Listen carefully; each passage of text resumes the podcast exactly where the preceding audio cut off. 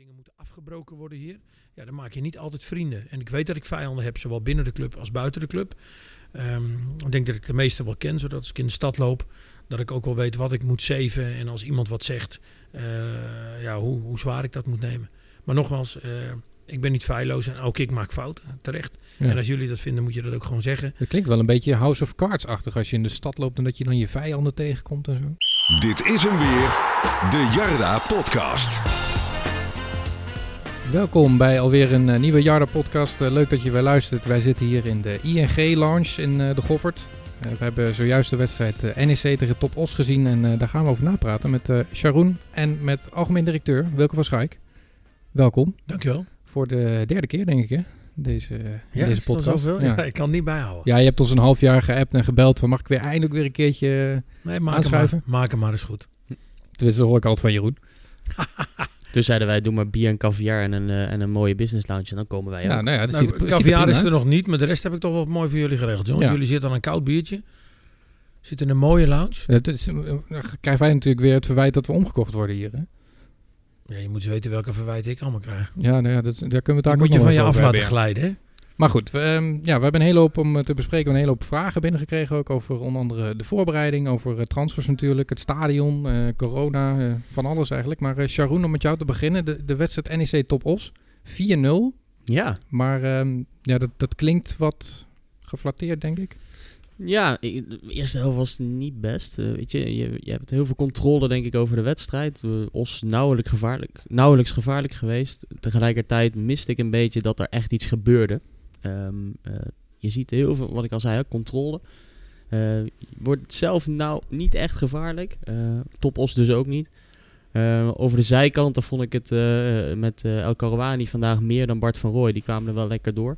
En op middenveld ja, ontbreekt het gewoon aan een, aan een nieuwer type. En dat bracht, dat bracht Beekman volgens mij in de tweede helft heel duidelijk wel. Die diepgang vanuit het middenveld naar, naar de 16 toe komt ook een doelpunt uit. En dan zie je dat je iets, iets nieuws brengt. Eh, Ja. Met Proper, Barretto en, eh, en Bruin heb je eigenlijk een beetje dezelfde type voetballers daar staan. En eh, ja, ontbreekt het aan iets, iets nieuws, iets anders. Ja. Uiteindelijk Ja, geflatteerd, ja. we denk ik hadden het er ook over in de rust. Hè, van, er staan eigenlijk drie dezelfde types. Er moet heel veel vanuit, vanaf de vleugel komen. Dat, dat heb je dan ook nog. Maar Ja, en, en de vleugels zijn op zich goed bezet. Als Okita het op zijn heup heeft, hebben we hier vaker over gehad. Dan is het een van de beste spelers van de, van de keukenkampioen-divisie. Selouf komt er wel echt aardig doorheen, denk ik. Eh, moet nog wel veel leren, maar dat, dat mag, hè. die tijd heb je. Ja. Ehm, maar goed, voor de zekerheid moet je denk ik wel eh, daarin ook durven en kunnen investeren. Omdat je wel nog wat stootkracht mist. Er staat daar niet echt een, eh, een garantie op doelpunten. Zowel niet op middenveld als in de spits. hoe, eh, hoe kijk jij naar zo'n wedstrijd, Wilco? Ik zag je toevallig zitten bovenin bij de hoofdtribune. Nou, je probeert altijd een beetje overzicht te hebben. En ik, ik probeer altijd wel bij wedstrijden mensen om me heen te hebben met, eh, met veel meer voetbalkennis dan van mij. Dan, dan van mezelf. En, en daar probeer ik ook weer van te leren en te klanken. Dus ik zat deze keer naast eh, Dennis de Braak, onze hoofdjeugdopleidingen. En eh, nou daar, daar klank ik dan veel mee. Daar vraag ik ook veel aan. Kijk, ik, en al word ik soms wel eens in die rol gedwongen. Ben natuurlijk niet puur zang een technisch directeur. Eh, dat wil ik ook niet. Eh, ik denk dat ik best wel wat verstand van voetbal heb, maar niet als een technisch directeur of een technisch manager. En ik laat me graag voorlichten tijdens dat soort wedstrijden van wat ik voor me zie en wat ik waarneem en ook hoe we dat kunnen verbeteren. En daarom probeer ik altijd met mensen uit onze eigen organisatie, maar ook met, met kennissen uit het voetballen. Eh, vorig jaar veel met, met Jan Wouters gezeten, of als Andries Jonker weer eens een keer langskwam, of, of Edwin de Kruijf. Eh, ja, dan wil ik wel graag dat soort mensen naast me hebben om, eh, om te kijken hoe zij er naar kijken en eh, daar ook weer van te leren en te klanken. Dus op zo'n manier kijk ik zo'n wedstrijd en ik kijk ook hoe we ons ontwikkelen in de voorbereiding. Eh, weet natuurlijk wel hoe Rogier wil spelen. Nou ja, ik moet zeggen dat de analyse die ik net gehoord heb, die, eh, nou, die kan ik denk zeker voor 70, 80 procent wel onderschrijven. Ja, maar jij, jij kijkt niet naar een wedstrijd en je ziet dingen en je denkt van er, er moet nog wat bij of het staat wel goed zo. Of... Nou, ik zie bevestigd waarvan wij denken dat er nog wat bij moet. En als ik net mijn collega aan de overkant van de tafel hoor, dan denk ik ook, ja, je ziet ook dat we eh, op zich, en dat zag je ook afgelopen zaterdag, dat we in staat zijn, in ieder geval die eerste stappen in, in de controle, dat we dat, dat we dat hebben. Dat we ook met Bruin en Barretto daar best wel een, een blok hebben voor die verdediging. Ehm, nou, we zoeken eh, links achterin nog wat. Ik denk als Bokuzo daar staat en, en Rens en Bart, dan hebben we een aardig blok staan met een, met een goede keeper erachter. Eh, Bruin en Barretto, nou dat staat. En, en daar geven we ook weinig weg. Ook tegen Topos, dan moet je ook niet Topos groter maken dan het is. Hè. Je moet ook straks tegen grote tegenstanders dat kunnen doen. Maar dat is nog, dat is nog een stap. Alleen voorin eh, creëren we weinig. eh, weinig diepgang. Ehm, bezetting voor de goal. Eh, ook de laatste bal. En dan zie je gelukkig de laatste 20 minuten met die jongens die erin komen. Dan zie je Beekman vaker voor de goal komen. Je ziet Feliconia voor de goal als de voorzetten zijn. Nou ja, daar ligt gewoon onze uitdaging. En daar zijn we ook nog aan het sleutelen. En daar zijn we ook nog aan het zoeken. Ja, want eh, we, we gingen eigenlijk een beetje negatief deze podcast in eh, voor deze wedstrijd. Want ja, natuurlijk iedereen had die 3-0 tegen Stralen op het netvlies. hè. Dan is het meteen allemaal slecht en, eh, en niemand kan er iets van. Maar hoe, hoe kijk jij naar zo'n wedstrijd als ze met Ja, 3-0 en, verliezen? en een matige pot tegen, tegen Ona volgens mij. Ook nog, Eh, ja. Gelijkspel tegen de amateurs. Dan mogen Una we ook niet, trouwens. Una, ja, mogen Ja. we ook niet vergeten Nee, natuurlijk. ik moet zeggen dat ik afgelopen zaterdag eh, met een beter gevoel naar huis reed dan naar de overwinning van Una. Omdat ik vond dat er afgelopen zaterdag, zeker in de eerste helft, dingen voor het eerst zichtbaar waren wat we willen. En, en bepaalde controle die we willen hebben. eh, niets weggeven. Nou, ik geloof dat Stralen geen één keer in onze 16 is geweest. Behouden ze één fout van ons. Eh, dat het baltempo achterin hoog was. Dat we ja, in de opbouw gewoon goed speelden. We hebben echt gewoon niks weggegeven. Alleen we creëerden ook niks. Nou, tweede helft ga je, ga je doorwisselen. Speel je met een jong team. Nou, dan, dan krijg je heel makkelijk uit twee standaard situaties een goal tegen. Dirk glijdt nog een keer onderuit. Dat is heel teleurstellend. Maar ja, dat hoort er ook bij. Maar ik haalde wel altijd weer dingen uit waar we op voort kunnen beduren. En dat zag je vanavond ook weer. Dus ik, ik, het gaat niet alleen om een overwinning. Dat ik denk, bij Una, eh, nou ja, lekker. Nee, ik, ik reed zaterdag met meer voldoening terug ehm, dan tegen Una. Alleen, eh, wij evalueren natuurlijk gelijk weer in de auto. Dan zitten we te appen en, eh, en ook weer te bellen. En je doet natuurlijk na de wedstrijd direct het gesprek met Nick en met, en met Rogier. Nou, we zitten gewoon op één lijn. Er ontbreekt nog wat in. Ehm, dat zit vooral voorin. Eh, en dat wil niet zeggen dat achterin alles op orde is. Daar moeten we ook nog stappen maken. Maar voorin ontbreekt er nog wat. Nou, dat zag je bij Stralen ook. Dus Ja. eh, het is oefenen. Het is een oefenprogramma. En dan moet je de goede dingen uitpakken. En, eh, en de slechte dingen, ja, die zul je moeten verbeteren. Alleen de dingen waar wij het continu over hebben, ja, die kwamen wel eh, heel duidelijk bloot te liggen. Ja, dan kreeg ik ook een vraag van eh, Haagse Nijmegenaar. Dat was nog voor deze wedstrijd dus. Of je, of je zorgen maakt over, over die wedstrijden. Als je ziet, ja, de amateurs eh, gelijk spelen. Una waar heel moeilijk gewonnen werd. Stralen verlies je. Una vond ik wel heel slecht. Daar, daar zakten zelfs onze sterspelers eh, ja, heel erg door hun hoeven. Nou, dat kan een keer gebeuren omdat dat echt gewoon goede spelers zijn.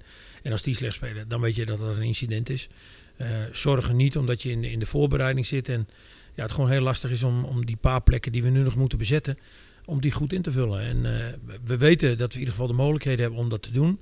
Alleen je moet de rust bewaren. eh, ook hier intern. eh, ja, tot het moment daar is dat je kan toeslaan. En wat we voor ogen hebben, denk ik gewoon dat we, dat we er beter op kunnen worden. En uiteindelijk, kijk, we willen bij die eerste vijf spelen.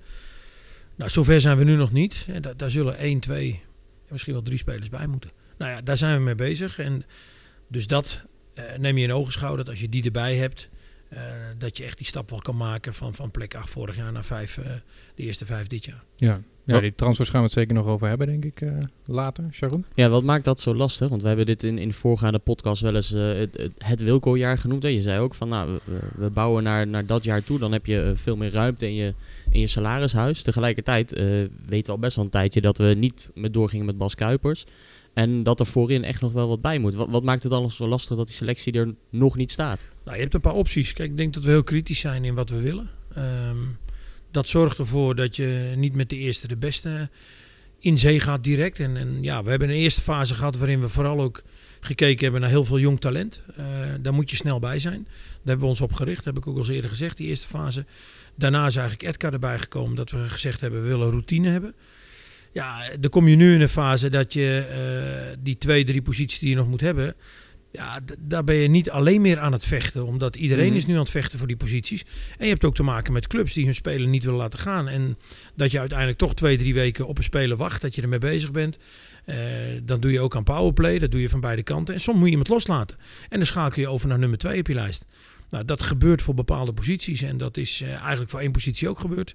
Nou, dat zorgt ervoor dat je drie weken ergens op moet wachten. En alleen je wil niet te veel betalen. Ehm, en je wil ook niet mindere kwaliteit hebben. Nou ja, daar zitten we eigenlijk continu mee in deze fase. En als ik nu hoor, hè, als wij ook kijken naar de spits, dat hebben we ook gezegd. Ja, ik hoor ook Go Ahead, ik hoor NAC, ik hoor Roda. Ja, dat drijft ook weer prijzen op. Daar moet je ook weer voor, eh, voor oppassen. We willen toch een bepaald type hebben. Ehm, ja, dan, dan hebben we niet een gangbare naam waar we mee bezig zijn. Waar iedereen van denkt, oh ja, mo- morgen of overmorgen of volgende week. Oh ja, dat wisten we wel. Nee, er zijn er genoeg. Het moet betaalbaar zijn. Er moeten goede constructies kunnen, kunnen maken. En het juiste moment. Ja, dat moment wordt korter naarmate die competitie volgt.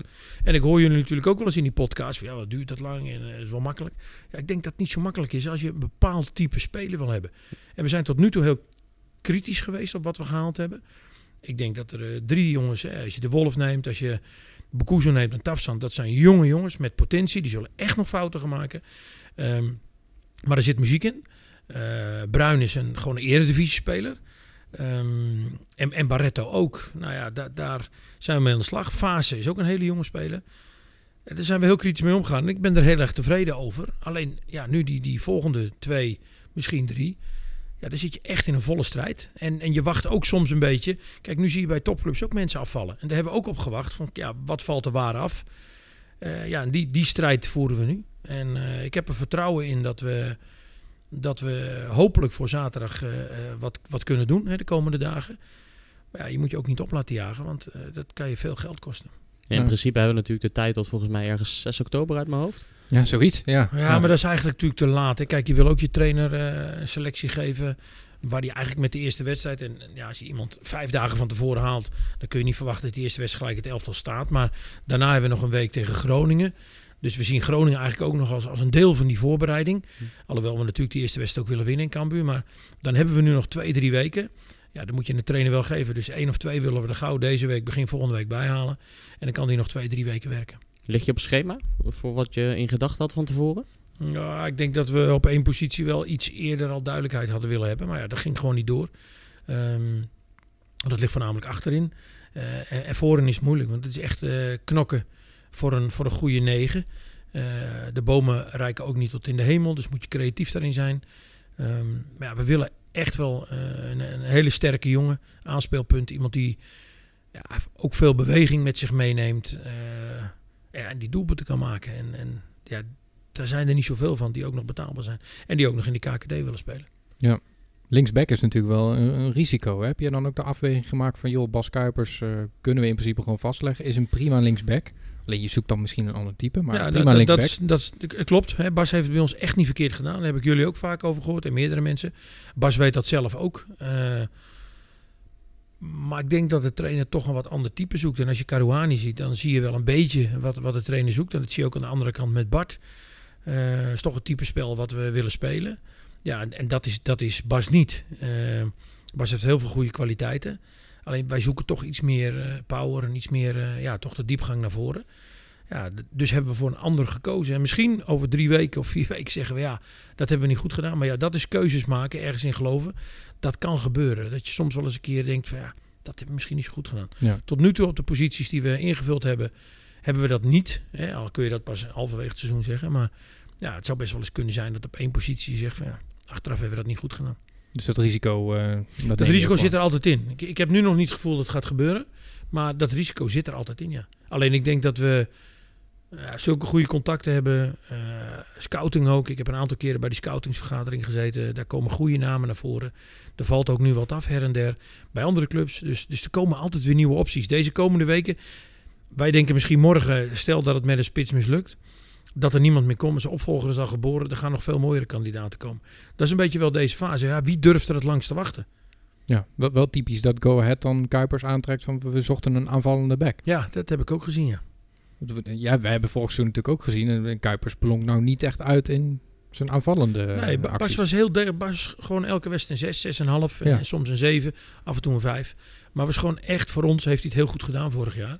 Maar was niet de aanvallende back zeg maar uh, uh, waar we nu misschien wat meer op zoek naar zijn. Ja. En jij zag meer in de muziekcarrière van Bas volgens mij. Ja. Ik heb daar wel van genoten. Ja, ik vind het leuk als mensen creatief zijn. En toen we dat nummer hoorden, we hebben een keer een hele leuke avond gehad met de selectie in, uh, in de Skybox. En ja, dan vind, dan vind ik dat wel heel leuk. En dan help ik hem ook en dan ben ik hem een beetje aan het pushen. Maar ik vind het leuk als mensen creatief zijn. En, en die jongens hebben af en toe best wel veel vrije tijd. En hij was heel bescheiden daarin. En uh, ja, ik heb er echt van genoten. Ik vond het ook een leuke vent. Hij was van de week jarig, dan heb ik hem ook weer en hou contact met hem. Uh, Bas heeft het gewoon uitstekend gedaan bij ons echt. Ja, ja hij was tegen ons ook altijd aardig hè, Sharon? Zeker, ja. Een hoe, van de hoe, vond jij, uh, hoe vond jij El eigenlijk spelen, Sharon? Ja, op zich aanvallend prima. Eh, verdedigend zie je gewoon dat hij heel erg zoeken is. Het is van nature natuurlijk ook geen, eh, geen verdediger, maar volgens mij stond hij altijd aan de, aan de buitenkant links. Ja. Eh, de voorzet die hij geeft volgens mij op fase is uitstekende bal. Valt tussen keeper en eh, verdediging in en er eh, wordt goed op gereageerd. Je ziet gewoon dat hij heel erg zoekt naar wanneer moet hij instappen, wanneer moet hij, moet hij terug uit. En, en nou, vandaag eh, viel het aantal kaarten natuurlijk mee. Eh, maar op deze manier gaat hij nog wel tegen heel veel kaarten aanlopen. Ja. Eh, maar je ziet bij zo'n oefenwedstrijd, als er al geel wordt getrokken, dan zou het eigenlijk paars moeten zijn. Die, die Zo, ja, die van top die kwamen een paar keer... Oh, in, heeft, heeft veel op het gas gelegen dat het echt niet nodig was. Maar één keer had hij ook gewoon zijn been kunnen breken, inderdaad. Dat was een bizarre overtreding. ja, daar zullen we het zo nog wel even over hebben. Of nu, ja, Romani.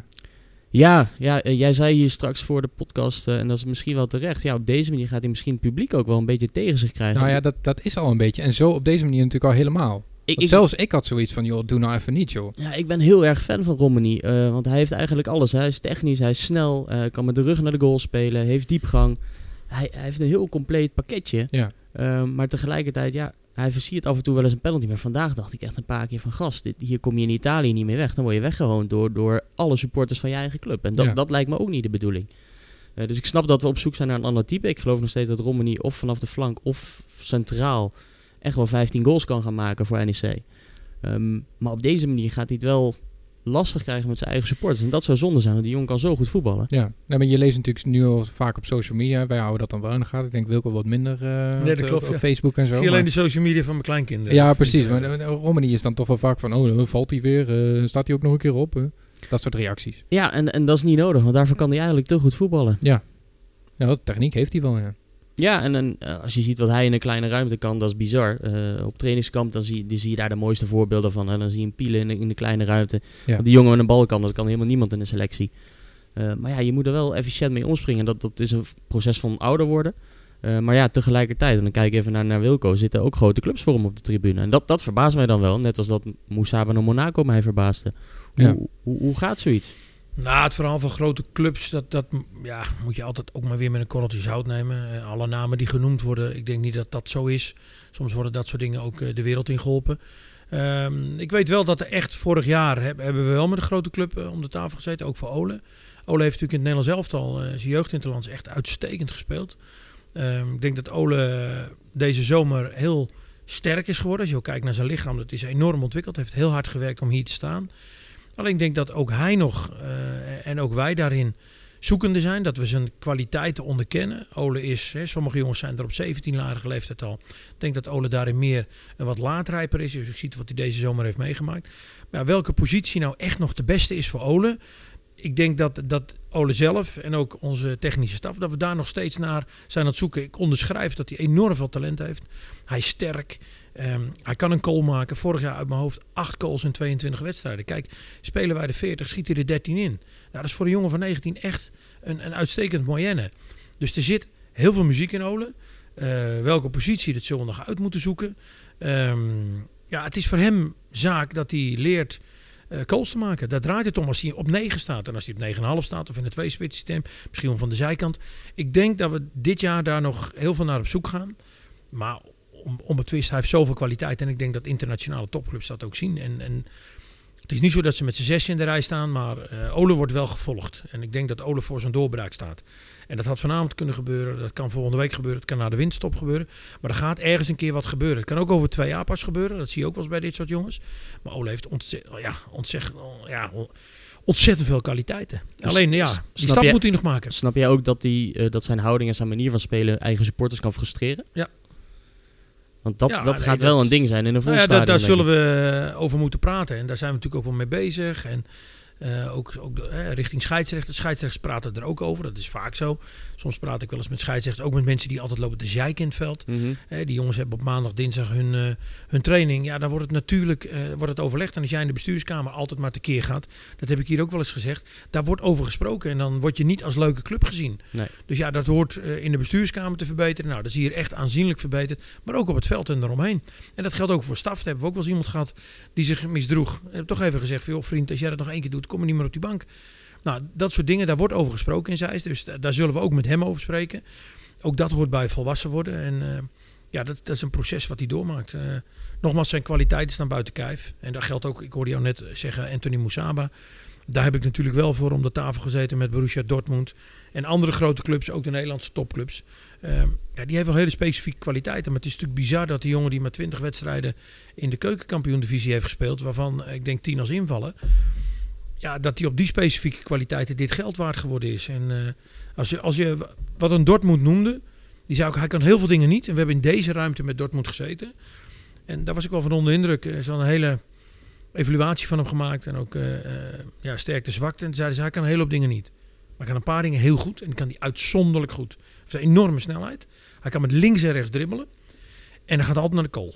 En hij kan een goal maken en hij kan assist geven. Nou, en hij kan ook heel veel dingen niet. In het omschakelen moet hij nog leren. En, en soms uh, het juiste moment kiezen voor een voorzet. Maar wat hij kan, is uniek. En daar hebben we geld voor over. En ik denk dat ook uh, Monaco en andere clubs dat gezien hebben. Ja, en dat, dat ze daarop willen investeren en zoveel geld overmaken. Ja. Maar die, die zoekt toch naar een, uh, naar een nieuwe spits of een ander type spits? Die, die was er überhaupt al? Of heb je in de voorbereiding dingen gezien dat je dacht van... oh, er moet wel echt een spits bij? Nou, wij, wij, kijk, vorig jaar hebben we natuurlijk ook een beetje dat probleem gehad... waardoor op een gegeven moment Fleming daar kwam te staan. Uh, een echt aanspeelpunt waardoor je kan doorvoetballen. Kijk, we hebben best echt... Kijk naar Proper, kijk, uh, zei het net goed. Bruin, Barretto, die kunnen echt geweldig voetballen. Ik denk dat dat in, onze divisie echt top is. Bovenkant, eredivisieniveau. En dan is het wel lekker dat je iemand voorin hebt waar je ook nog mee kan doorvoetballen. Dat gebeurt nu niet en te weinig. Nou, dat haalt ook de kracht van die jongens op middenveld weg. Dus eigenlijk vanaf die voorbereiding hebben we wel gekeken van... Um, ja, we hebben een aanspeelpunt nodig. En dat wisten we vorig jaar ook al. Daarom hebben we Fleming daar neergezet. Um, dus ja, die, die, die zoektocht is er wel geweest. Alleen ja, dat is wel heel lastig om de juiste te vinden. Dus er zijn er een aantal de revue gepasseerd. We hebben ons georiënteerd en we zijn eigenlijk na drie, vier weken, afgelopen drie, vier weken, uh, hebben we de keus gemaakt. En we hebben nu eigenlijk drie kandidaten waar we gewoon volle bak mee in gesprek zijn en uh, waarin wij wel onze prioriteit hebben. En als we het over een spits hebben, dan komen we niet uh, om, om de naam van Feliconia heen. Wat is daar gebeurd met die verlenging? Nou, dat, dat hoorde ik jullie ook vertellen. Dat was niet zo moeilijk. Etienne uh, wilden we eigenlijk een tweejarig contract mee afspreken. Alleen Etienne heeft twee uh, knieblessures gehad. En wij hebben toen aangegeven in overleg met hem dat we dat liever in, in één jaar wilden. Uh, en bij zoveel wedstrijden zou het dan automatisch twee jaar worden. Dus uiteindelijk zijn we met hem om de tafel gegaan voor een tweejarig contract. Uh, is dat geknipt in een, uh, in een eenjarig contract met een optie. Als hij fit zou zijn, zou het gewoon twee jaar zijn. Dus uiteindelijk die twee jaar die wij voor ogen hadden, die hebben we gewoon afgemaakt en daar zijn we ook nagekomen. Maar dan alsnog is het wel een beetje een, een gok, toch, Feliconia, om, dat twee, om hem twee jaar vast te leggen? Nou, wij waren er wel van overtuigd, ook zeg maar naar de medische testen, dat hij dat zou doorstaan. En uh, ook met zijn kwaliteiten. Nou ja, daar hebben we tot nu toe te weinig van, denk ik, gezien. Uh, dat heeft te maken uh, deels met hem, ook deels met keuzes van trainers. Nou, daar heb je ook wel eens discussies over. Alleen er is nog niet uitgekomen wat we van tevoren hadden verwacht. Dus ja, dat kun je op ons bordje leggen. Ja, nee, maar ook omdat Sven ging natuurlijk weg, hè? Sven Braken. Dat was redelijk last minute. Nou, dan moet je heel dit, snel de markt op. Nou, dit was ook redelijk last minute. En, en dan heb je niet het meest ideale uitgangspunt. Um, alleen we hadden we wel de overtuiging dat wat wij zochten, uh, dat we dat in hem vonden. Uh, achteraf ja, is dat niet geworden wat we allebei, hij ook niet, ervan verwacht hadden. Ja, maar jij hebt dan niet zoiets als dat contract verlengd wordt uh, door die clausule van hé, shit, ik had hem eigenlijk, ik had het eigenlijk niet gewild ja, je denkt allemaal wel eens na over dingen die je gedaan hebt. En ik denk dat Etienne daar ook nog wel eens over nadenkt. Dus ook, ook wij hebben daarover nagedacht. Alleen, kijk, Etienne is een geweldige prof, ook op trainen. Je kunt er niets van zeggen. Als hij erin komt, geeft hij 100%. Ik denk alleen ook niet dat hij altijd het geluk heeft gehad. Uh, hij heeft wel dingen laten zien waarvan wij zeggen, ja, dat heeft hij wel. Alleen tot nu toe is, is het project Etienne Veliconje nog niet geslaagd. Daar kan ik wel eerlijk over zijn. Ja, en stel er komt dan een nieuwe spits, dan heb je in principe drie spelers voor, uh, voor één plek. Want je speelt nog steeds 4-3-3 natuurlijk. Gaat er dan iemand weg of komt er iemand op de bank? Nou, er zijn een aantal jongens die niet lekker in hun vel zitten. Uh, daar is Etienne er natuurlijk ook één van. Uh, Etienne is ook een, een, een, toekomstplaatje voor dit seizoen geschetst. Dus ja, weet je, als daar wat voor komt, hebben wij tegen Etienne wel gezegd. Ook door middel van hoe de jongen is en hoe die zich opstelt, dat we daar open voor staan. Ja, maar het is op zich ook wel welkom, denk ik toch? Als je een beetje ruimte kan maken. Nee, want tuurlijk, ja, zoveel budget tuurlijk. is er niet. Alleen ja, soms uh, zijn er dingen die je wilt en die niet gebeuren. Die gebeuren niet uit luxe. Kijk, uh, Bruin of Barretto willen wij niet weg. Of, of uh, een andere speler. Ja, soms denk je wel eens van, nou, dat zou helpen. Uh, alleen je hebt ook je afspraken gemaakt, die moet je nakomen. Alleen dit soort jongens zien natuurlijk ook wel, als ze nog een jaar op de bank zitten of te weinig aan spelen toekomen, op deze leeftijd moeten ze spelen. Dus daar zijn we gewoon open over in gesprek. En ja, er zijn een aantal jongens die weten dat ze minder aan spelen toekomen. En, en dat als er een club komt, dat wij ook meewerken. Ook gewoon om het feit hoe die jongens zijn, hoe die zich instellen. Er is nog niet eens een heel brede selectie. Als er nog eh, spelers weg mogen, dan... eh, Nee, nou, het is dit jaar ook, zeker door corona. En we hebben, als je de elftal foto eh, van vorig jaar bekijkt, dan zijn er zeg maar eh 17 jongens weggegaan. Aan het eind van het seizoen eigenlijk 12, 13 uit de selectie. Ja, we hebben heel veel jeugd door laten stromen, maar we kunnen ook niet meer dan een vaste kern van 14, 15 jongens hebben. Omdat ja, door corona moeten we ook noodgedwongen de tering naar de nering zetten. Ja, en daarnaast hebben we ook altijd gezegd als, als club, we willen de jeugd een kans geven. Ja, nu zitten er wel heel veel jonge jongens bij. Dat zie je ook tegen Stralen. Die hebben het best nog moeilijk. Die worden allemaal beter, alleen die hebben nog wel een half seizoen nodig. Dus het, het is wel wat kritischer. Maar ja, dat is ook een beetje het gevolg van, eh, van corona. dus, En, en de problemen die we daardoor hebben. eh, ja, dat, dat het budget natuurlijk ook niet eh, onuitputtelijk is. ja. Maar als we dan de vijftiende staan eh, in de winter, dan heb jij zoiets van... eh, het wordt nog beter.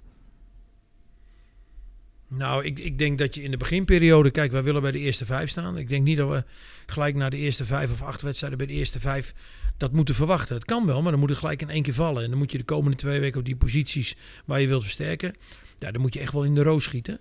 Eh, we, zijn nog steeds een jong elftal, ondanks dat we Barretto en, en Van Eijden hebben.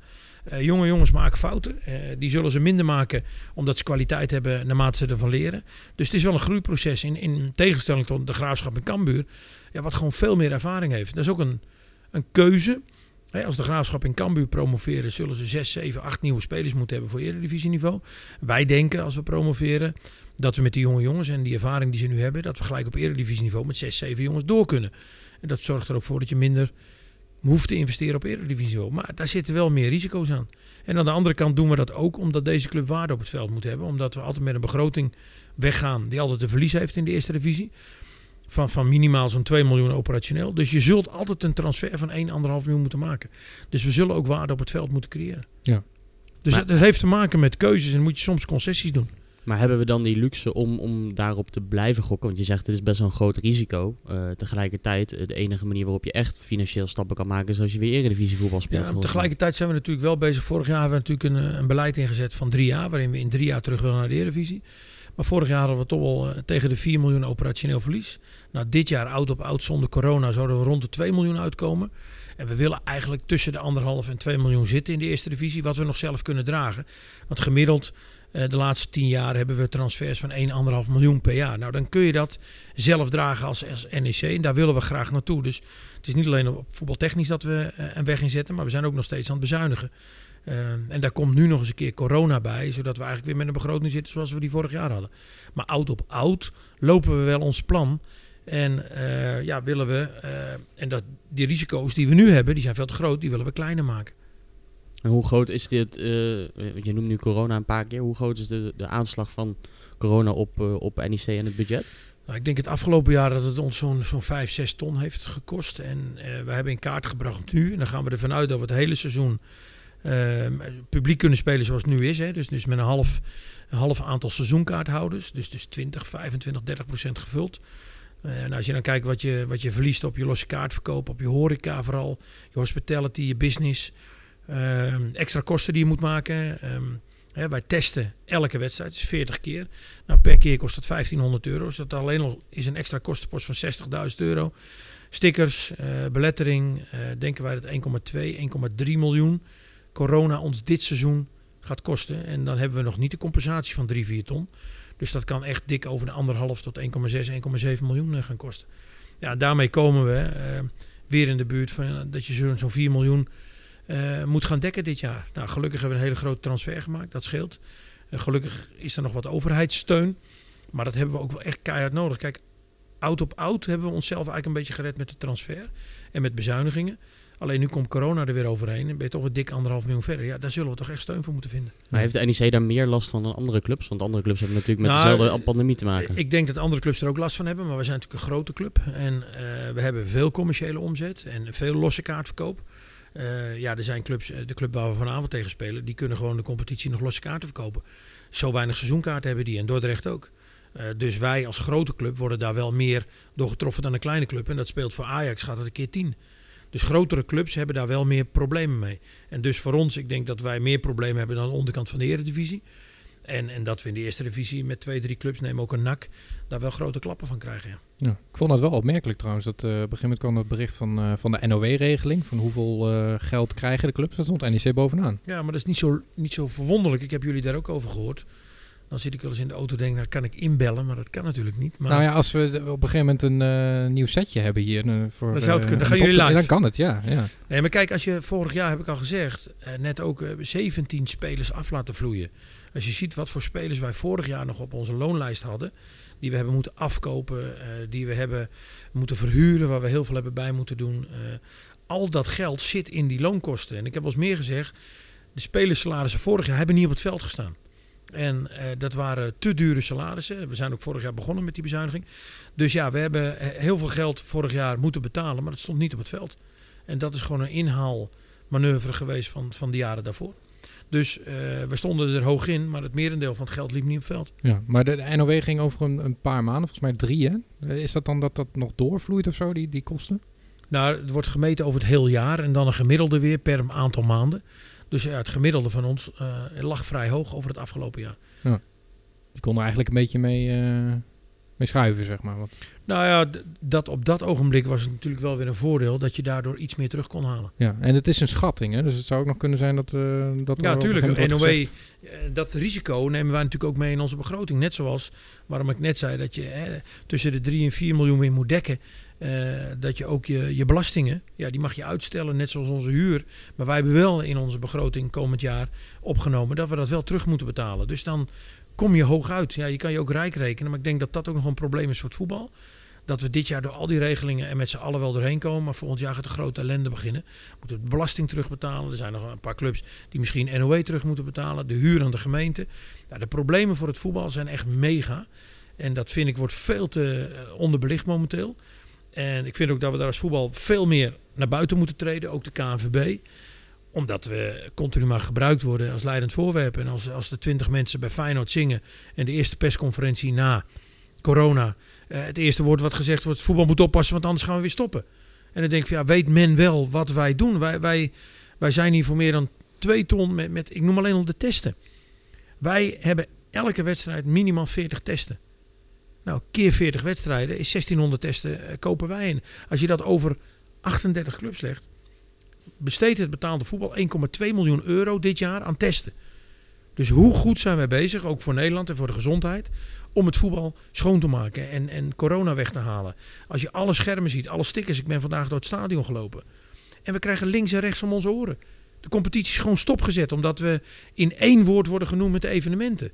Het voetbal verdient maatwerk. Wij zijn apart in Nederland. We, we binden miljoenen mensen. We verbinden miljoenen mensen. We doen hier alleen al 25 maatschappelijke projecten. Wij helpen ondersteunen 25.000 mensen in Nijmegen. Doe dat ook maar weer keer 38 clubs. En we laten ons aan alle kanten om de oren slaan. Dus ik vind het gewoon niet goed. En ik vind dat we als voetbal op moeten staan. Toon Gerbrand zei dat ook vorige week. Leiderschap in het voetbal. En we mogen ook wel eens een keer wat zeggen tegen Den Haag. En Ja. als de horeca gesloten moet worden, gaat er een, een grote horecabaas gewoon op tv zeggen. En wat gesloten? Volgende week gooi je gewoon alles open. En binnen een week is alles open, mag alles open. Als de kermissen dicht zijn, gaan de mensen een beetje pauwen en lobbyen. En de kermissen mogen open. En alles nogmaals binnen de regels van de gezondheid. Maar ik vind als voetbal dat we ons te makkelijk aan de kant laten duwen. En dat verdienen we niet, want we doen nu weer heel veel. En we deden al heel veel. Alleen wij brengen nooit naar buiten wat we sociaal-maatschappelijk doen. En wat we gewoon betekenen. En nogmaals, als wij die stadions leeghouden, gaan al die mensen thuis zitten. Nou, we hebben Hubert Bruls gehoord. Het, het ergste wat er momenteel is, is dat die mensen allemaal achter die voordeur zitten. Daar wordt corona opgelopen. Ja. Nou, wij duwen ze eigenlijk allemaal naar huis. Want jullie gaan ook met z'n tienen bij elkaar zitten. Of we gaan in de kroeg zitten. Laat ze in een stadion zitten. Wij weten precies op welke plek mensen zitten. Vanavond ook. Je ziet, mensen zijn echt gedisciplineerd. En we weten op welke plek ze zitten. Ze zijn geregistreerd. Ze zijn in de buitenlucht. Nee, dan gaan we lekker met z'n allen, met z'n tienen binnen zitten. We gaan het opzoeken. Ja, ik, ik denk dat we ons te makkelijk eh, laten gebruiken als leidend voorwerp. Ik vind dat het voetbal echt veel doet. Ja. Wij ook bij NEC. En ik vind dat we daar als, als voetbal, als bond, als clubs veel meer van mogen zeggen. En met, met alle respect voor het kabinet, wat ze allemaal doen met corona. Dat ziet er goed uit en, en dat doen ze ook goed. Maar op dit gebied laten wij ons ondersneeuwen. En je had het straks al over jongens die wat, eh, wat minder gelukkig waren en tegelijkertijd misschien aas op het transfer. Dan kunnen we ook niet eh, om, om Jonathan Okita heen. Eh, hoe, hoe ziet die situatie eruit wat jou betreft? Nou, heel simpel. Eh, Jonathan heeft een contract van vier jaar. En wij hebben tegen Jonathan gezegd, eh, toen we dat contract tekenen, binnen twee jaar moeten we jou zo ontwikkeld hebben dat er een, een transfer mogelijk moet zijn. En als er een club komt die het juiste bedrag betaalt, dan staan wij daarvoor open. We zijn een club die, die dat altijd doet, als het juiste bedrag op tafel komt. Maar zeker na twee jaar, vorig jaar wilde die ook weg. Toen zijn we daarvoor gaan liggen. Het juiste bedrag niet op tafel gekomen, wel heel dicht benaderd. Maar deze zomer staan we daar meer voor open. Dus dat weet hij, dat weten wij. Alleen tot nu toe eh, is de juiste club met het juiste bedrag nog niet gekomen. En qua, qua transfers, eh, Wilco, we, we kregen heel vaak de vraag van wanneer komt die spits nou? We hebben ook nog wel een mooi lijstje volgens mij met namen die genoemd Nou ja, er zijn hele hoop eh, suggesties binnengekomen. Even kijken. Christian Santos, eh Janga, Arweiler, Gladon, eh, Sven Braken terughalen. Kan ook altijd. Eh, M- mijn favoriet was Madueke van Ja, Ma- PSV, die, Madueke werd die gewoon een genoemd, basisplaats eh, heeft daar straks. Pirou werd genoemd. Brobby, ook heel logisch. Zit er wat tussen? Of? Ja, er zit zeker wat tussen. Die Arweiler ken je wel goed, toch? Nou, die was er nog niet in mijn periode. Oh. Eh, maar ik vind het wel een goede spits. En die jongen heeft zich uitstekend ontwikkeld. Eh, maar zit momenteel bij de eerste selectie van, eh van FC Utrecht. Maar zeker een jongen die... eh, nou, ik moet zeggen dat het lijstje niet verkeerd is. Dus, eh, Ja. Ja, ja, dat was echt een serieuze vraag van Santos. Zou, zou je die kunnen terughalen? hè? Tweede niveau Spanje gespeeld, gedegradeerd. nou, ook, ook, ook zijn manager hebben we natuurlijk gesproken. Ehm, alleen ik denk dat dat financieel niet haalbaar is. Nee, dat dacht ik eigenlijk ook wel. ja. En ook, ook wel weer het type wat je zoekt. eh, is dat niet je eerste prioriteit. Het is meer een jongen die er nog meer omheen speelt. En meer moet komen dan dat het echt die, die balvast, in ieder geval die sterke spits is. eh, voorin. Ja. Maar ik moet zeggen, complimenten voor het lijstje. Ja, Sven Braken, dat, eh, nou, die is ook gedegradeerd. Nee, die speelt niet. In onze gedachten. Maar waar moeten we dan aan denken? Want ik, ik was verrast door sommige van deze namen dat ik dacht, die zijn echt niet haalbaar voor NEC. Nou, Gladon die werd echt genoemd. Die, die nou, ik, denk- ik denk dat je, worden. kijk, het is niet soms. eh, kijk, soms kun je ook in constructies van huren denken dat een club het ook wel aantrekkelijk vindt om iemand ergens te stallen waarvan ze ook weer denken dat hij 20, 25 goals kan maken en dat hij weer wat meer waard wordt. En eh, nou, zo kun je soms gebruik maken van spelers. Eh, die eigenlijk misschien net iets te veel verdienen, eh, maar op zo'n manier eh, voor een jaar interessant kunnen zijn. Dus eh, op die manier proberen wij ook altijd creatief te kijken naar het binnenhalen van spelers. Ehm, en, en haal je soms een speler binnen die, die eigenlijk niet zou kunnen betalen, maar door die constructie dat die ineens wel betaalbaar is. En dat de speler wat water bij de wijn doet, de club. En, en, en wij dan ook wat doen. Dus stel een speler die in Kazachstan eh, tonnen, tonnen, tonnen verdient, dat zou zomaar een optie kunnen zijn. Nee, alles kan een optie zijn. Oké. We missen trouwens wel uh, Ferdi Druif op het lijstje. hè? Die komt eigenlijk altijd wel terug. Ja, hij is al een tijdje niet gevallen. Nou, ik Ja. denk dat Freddy, daar hebben we ook nog steeds contact mee. Maar, maar ik denk als Freddy een, een stap zou maken, dat hij... eh, ja, die wil gewoon hoger op. Ja. En ik denk dat is- hij dat is- ook niet moet doen. Ik- Als, zou ik hem ook niet adviseren als zijn manager heeft het hier perfect gedaan. Terug naar AZ. eh, Ja, maar dan ga je eigenlijk terug in je ontwikkeling eh, als je dat doet. Ja, voor hem is dat geen goede stap. Ja, en hij is tweede spits bij AZ. En ik denk dat een menig Eredivisieclub hem ook wel... eh, Klopt, er is veel interesse in hem. Nou, hetzelfde vond ik eigenlijk voor Bruin gelden. Als ik Druif en Bruin op een weegschaal zou moeten leggen, zou ik ze bijna van dezelfde kwaliteit Ja, die eh, zou toch ook wel naar een Fortuna of zo kunnen. Of, eh, ja, 100%. noem maar wat. En ook nog wel Heracles en, en misschien nog daarboven. Ja. Ik denk dat het ook wel clubs zijn die geïnteresseerd waren in hem. Maar ik denk dat, dat hij hier een hele belangrijke speler is. Dat hij zich hier thuis voelde. Eh, dat wij een bepaald type spel willen spelen. Toch wat vaker op de helft van de tegenstander. En dat bij dat soort elftallen je wat vaker op je eigen helft moet gaan spelen. Dus ik denk dat hij hier meer in zijn kracht komt. Dat plaatje hebben we ook met hem besproken. Eh, naast het feit dat hij zich hier belangrijk voelde. eh, heeft dat voor hem wel de keuze ja, doen, doen laten besluiten om, om naar NEC te komen. Ja. Maar ook dat soort clubs waren geïnteresseerd in hem. Maar om terug te komen op, op de spits, op de vraag eh, van wanneer komt hij? Ik, ik zei al... eh, Nee, kijk, jullie noemen een paar namen en, en wij hebben natuurlijk ook een aantal namen. En daar, daar hebben wij een selectie in gemaakt met een, eh, met een top 3 waar we mee in gesprek zijn. Ja, dat soort dingen kunnen heel snel gaan. En, en laten we zo zeggen, dat kan binnen drie dagen, maar dat kan ook drie weken duren. ja. Het is maar net, soms, soms gaat iets in, in de versnelling. Kijk, we zouden het liefst natuurlijk tegen RKC al, al wat op het veld willen hebben. En daar werken we elke dag keihard aan. Soms kan iets in een dag vallen. En soms kan iets in een dag ook weer helemaal weg zijn. Dan kunnen we helemaal opnieuw beginnen. Ja. Ehm, kijk, laten we zo hopen dat we, dat we voor, de, voor de start van de competitie in ieder geval een, een spits erbij hebben. Ehm, dat gevoel heb ik bij de drie kandidaten waar we mee spreken. Maar ja, eh, dat kan net zo makkelijk weer weg zijn. Ja. Want er zijn heel veel clubs op zoek naar een spits. Even terug eh, heel kort naar de, naar de voorbereiding. Want daar hebben we nog twee vragen over van eh, Maxime Belen op eh, Instagram. eh, van- Sorry, Maxime. Van, van waar dit... eh, hij vindt het een matig oefenprogramma. tegen bijvoorbeeld UNA en de amateurs. En nou ja, de Galacticos, daar kon je niet zo Ja, dus doen. er zit een bepaalde opbouw in. eh, maar we, he- we hebben er ook intern wel discussie over gehad. Corona heeft er wel een beetje in meegespeeld, omdat het heel lang onzeker was wanneer en wat nou. Ja, nee, maar je ziet ook bij andere clubs, bijvoorbeeld Almere, die, die oefenen heel vaak tegen BVO's, Ja. gewoon in Nederland. Ja, het zijn, het zijn keuzes gemaakt en eh, daar, is, daar is over gesproken. Ehm, ik denk dat we ook gewoon aan het eind van de voorbereiding daar onze lessen uit moeten leren. Eh, of de keuzes die we gemaakt hebben, of die goed zijn geweest, wat we gezegd hebben. Of dat we zullen zeggen van, nou ja, we zullen daar toch volgend jaar een eh, verdieping in moeten hebben. Ja. Ik zelf speel liever wat meer tegen, tegen wat, wat sterkere tegenstanders. Zeker in die opbouw. Eén of twee eredivisieclubs hadden erin mogen zitten. Maar dit was beschikbaar en, en dit was ook in de opbouw wel een bepaalde wens. Maar we hebben daar zeker een eh, discussie over gehad. Ja. Alleen niet alles was mogelijk. En er zijn ook twee wedstrijden uitgevallen weer door corona. Of dat die clubs weer een betere tegenstander konden krijgen. Want wie, wie maakt uiteindelijk die keuze? Is dat de staf? Is nou, de uiteindelijk heb je staf met je, met je teammanagement. En, en die zitten natuurlijk eh, bij elkaar. Oké. Nog een vraag van eh, Facebook. Matthijs Jansen. Waarom krijgt Frank Sturing speeltijd in de voorbereiding? Ja, nu even niet. Hij zit nu ook niet meer op de bank volgens mij. Maar hij heeft in een paar wedstrijden meegedaan. Ja. Dat, vonden mensen nou, dat is bewust. vreemd. Kijk, eh, wij, wij hadden nog niet een volledige selectie.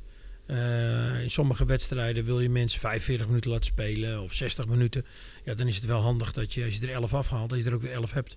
En Frank is een uitstekende prof. We weten precies wat Frank kan. Ja, als je hem er dan bij hebt, dan is het wel handig om hem ook te laten spelen. In plaats van nog een jonge jongen erbij, die misschien dan door zijn hoeven zakt. Dus eh, het, het was eh, ja, genot voor beide kanten om eh, te profiteren van elkaar. Ja, hij, Dus, traint, eh, hij traint nog wel mee, toch? Of Ja, niet? ja, Ja. ja. en ik sluit niet uit dat hij nog langer mee blijft trainen. Ja, maar een Eh, contract zit er echt niet in. Op dit moment niet, nee. Nee, dat had volgens mij Rogier ook al vrij snel eh, uitgesloten.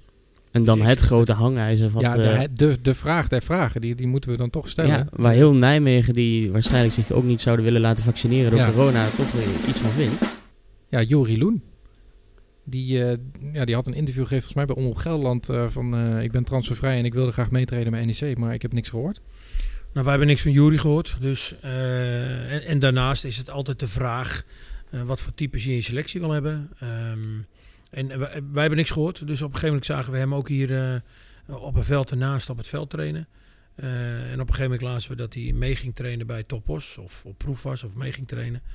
Dus dat is bij ons nooit een issue geweest. Ja, maar hij zegt dan ik, ik heb niks gehoord, maar eh, verwacht hij dan dat jullie met hem contact opnemen? Nou, als hij niks gehoord heeft, verwacht hij dat denk ik wel. Maar Ja. zo werkt het niet. Maar normaal gesproken is het andersom, toch? Dat een speler zegt van joh, ik ben Ja, transfervrij. volgens mij ook. Dus daar waren jullie in de podcast ook al achter. Dus wij ook. Dus, Ja. eh, Maar was er een mogelijkheid geweest als hij had gebeld van joh, mag ik meetrainen? Nou, Misschien, misschien, de dat we het 21 of zo. overwogen hadden, maar ik, ik, ja, ik denk niet dat, we dat, eh, dat daar behoefte aan was. En, en Frank kwam in de aantallen en ook met de positie kwam het goed uit. Frank speelde hier al.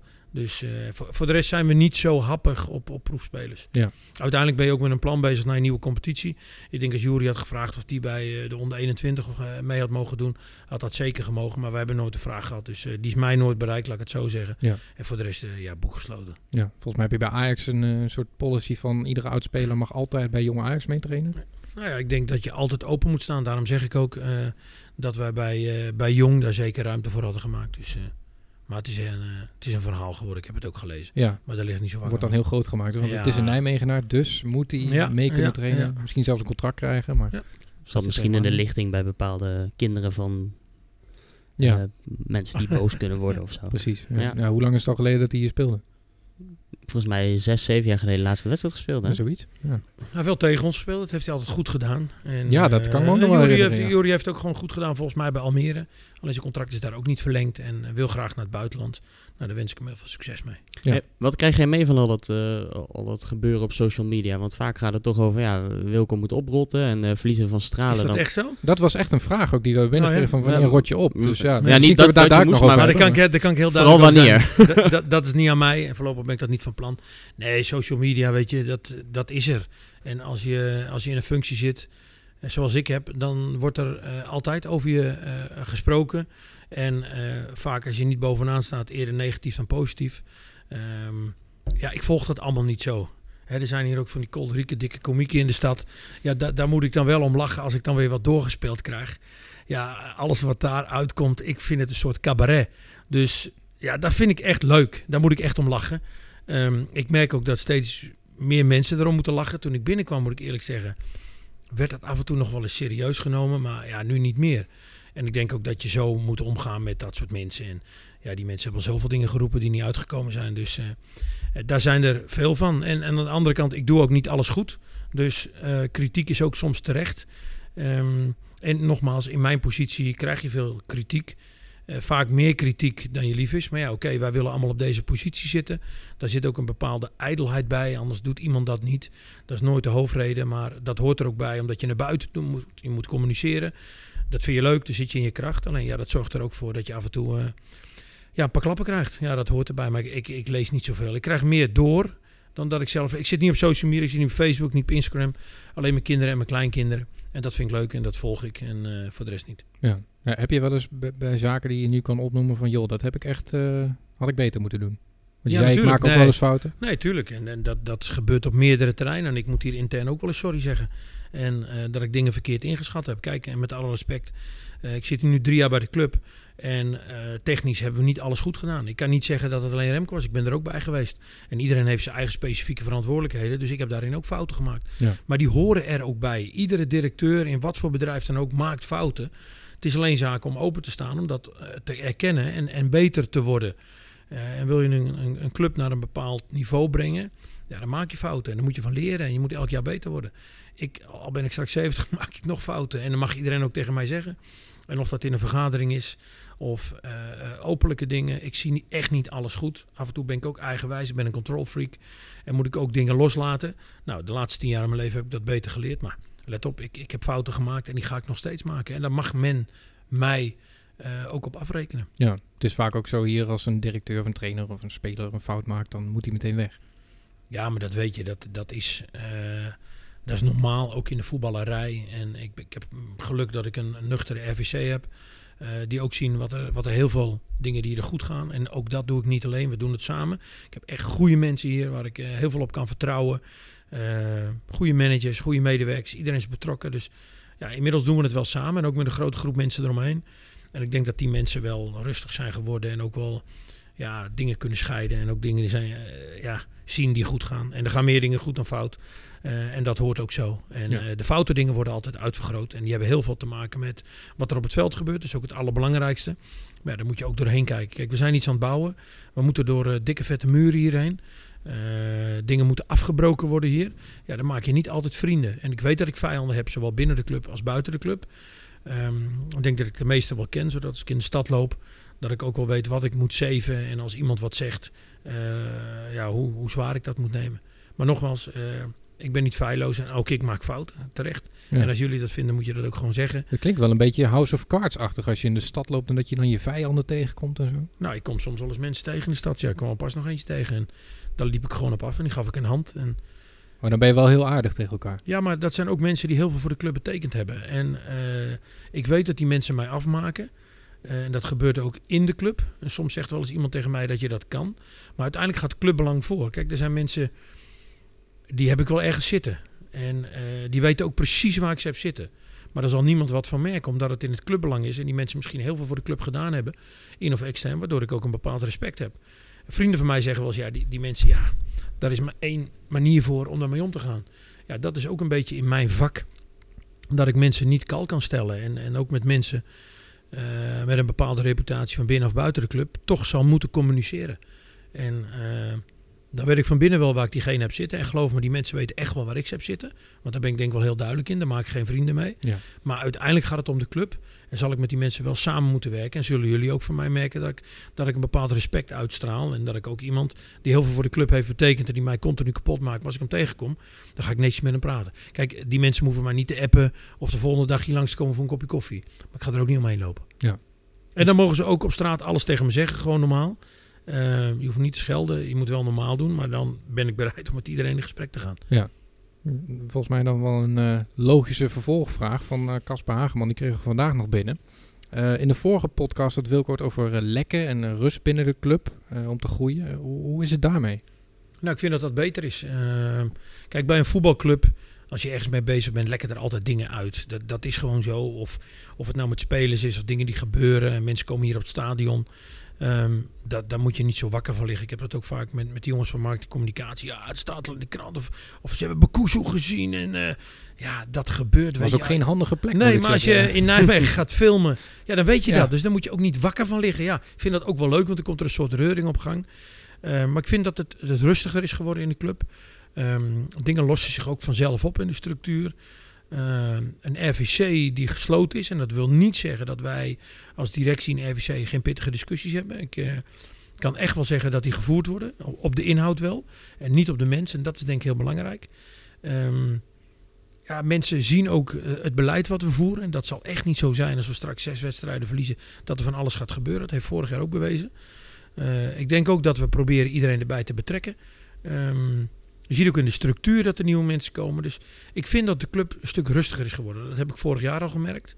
Ook deze zomer. Eh, ook met de grote investeerders hebben we veel meer contact. Je moet ze er ook bij betrekken. Want als mensen ver weg zitten, dan snappen ze ook niet wat er gebeurt. Dus dat, dat vraagt veel in stakeholder management. Vraagt veel informeren, veel erbij betrekken. Ja, daar ben je eigenlijk continu mee bezig. Daarom, mijn vak vergt veel. Omdat je continu energie moet geven daar waar het, waar het nodig is. En dat je eigenlijk continu aan het communiceren bent. En niet alleen met je RVC, maar ook alle stakeholders eromheen. En daar zijn er wel heel veel van bij deze club. Maar langzamerhand eh scheidt het kaf zich van het koren daarin. Ja. Dus weten we ook wie we wel moeten informeren en niet. Dat zorgt er ook voor dat sommige mensen of, of mensen die heel veel gedaan hebben, heel boos zijn. Eh, ook wel eens online lees ik. Kan ik er wel een paar van Alleen, opnemen. ehm, ja, ik denk dat je ook weer niet met te veel mensen moet delen. Eh, uiteindelijk moet beleid gemaakt worden. ja, maar ja, daarom lekt het natuurlijk ook uit.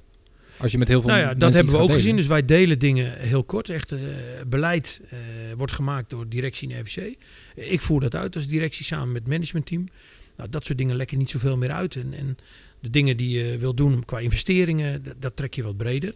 Maar ook die cirkel weten we nu wel heel goed te trekken. En daardoor lekt echt gewoon minder uit. En dat is goed, want dan blijft de club rustig. We hebben het al een paar keer erover gehad, ook eh, volgens mij de vorige keer. En, eh, een technisch directeur. Nou, de- deze zomer is ervoor gekozen om dat niet te doen. Volgens mij ook omdat het niet helemaal mogelijk was. Er waren wel twee kandidaten, geloof ik, waarmee gesproken is. Maar eh, heb jij nog tegen de RVC, RVC gezegd van dat wil ik wel?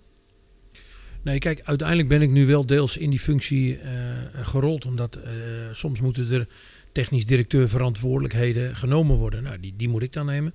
Maar we hebben hier met, eh, met Nick Kersten en daarachter een, een groot scoutingsapparaat. Eh Leen Looijen als technisch commissaris met een bepaalde stempel. Eh, en natuurlijk een technische staf. Ja, we hebben allemaal een plukje van dat technisch management op ons genomen. In, in alle openheid discussiëren we daarover. De techniek komt met name. En dat is de staf. vooral scouting. Eh, en Leen is daarbij betrokken. En uiteindelijk eh, bemoei ik me daar heus wel mee. En stel ik daar de vragen eh, voor. Maar uiteindelijk ben ik niet degene die met de technische namen komt. Ben ik wel degene die moet zeggen of het budgetair past. En ook of het in aantallen en al dat soort dingen past. Ik denk dat we het met z'n allen goed verdeeld hebben. Dat we allemaal die verantwoordelijkheid voelen. Van het gemis ook daarvan. Alleen het is nu helemaal zo. En de Raad van Commissarissen is daar lang mee bezig geweest. We hadden ook twee kandidaten. Mede ook door corona is dat er niet van gekomen. Corona heeft er ook voor gezorgd dat financiën onder druk staan. Ja, dan is het nou helemaal zo. Ja, dan moet het gewoon gebeuren.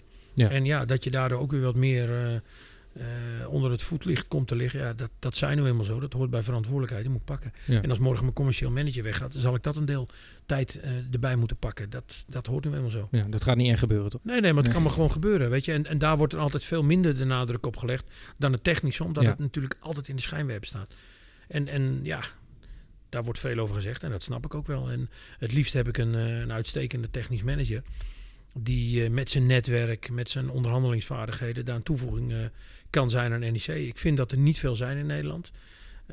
Dus, dus voor de optie die er nu ligt, denk ik dat we het goed invullen. Ja. En alles kan altijd beter. Alleen dat zullen we na deze window ook weer evalueren. Maar je ziet bijvoorbeeld bij een club als eh, RKC gepromoveerd. Die hebben het jarenlang eh, zonder technisch directeur gedaan. Eh, Frank van Mosselveld daar algemeen directeur.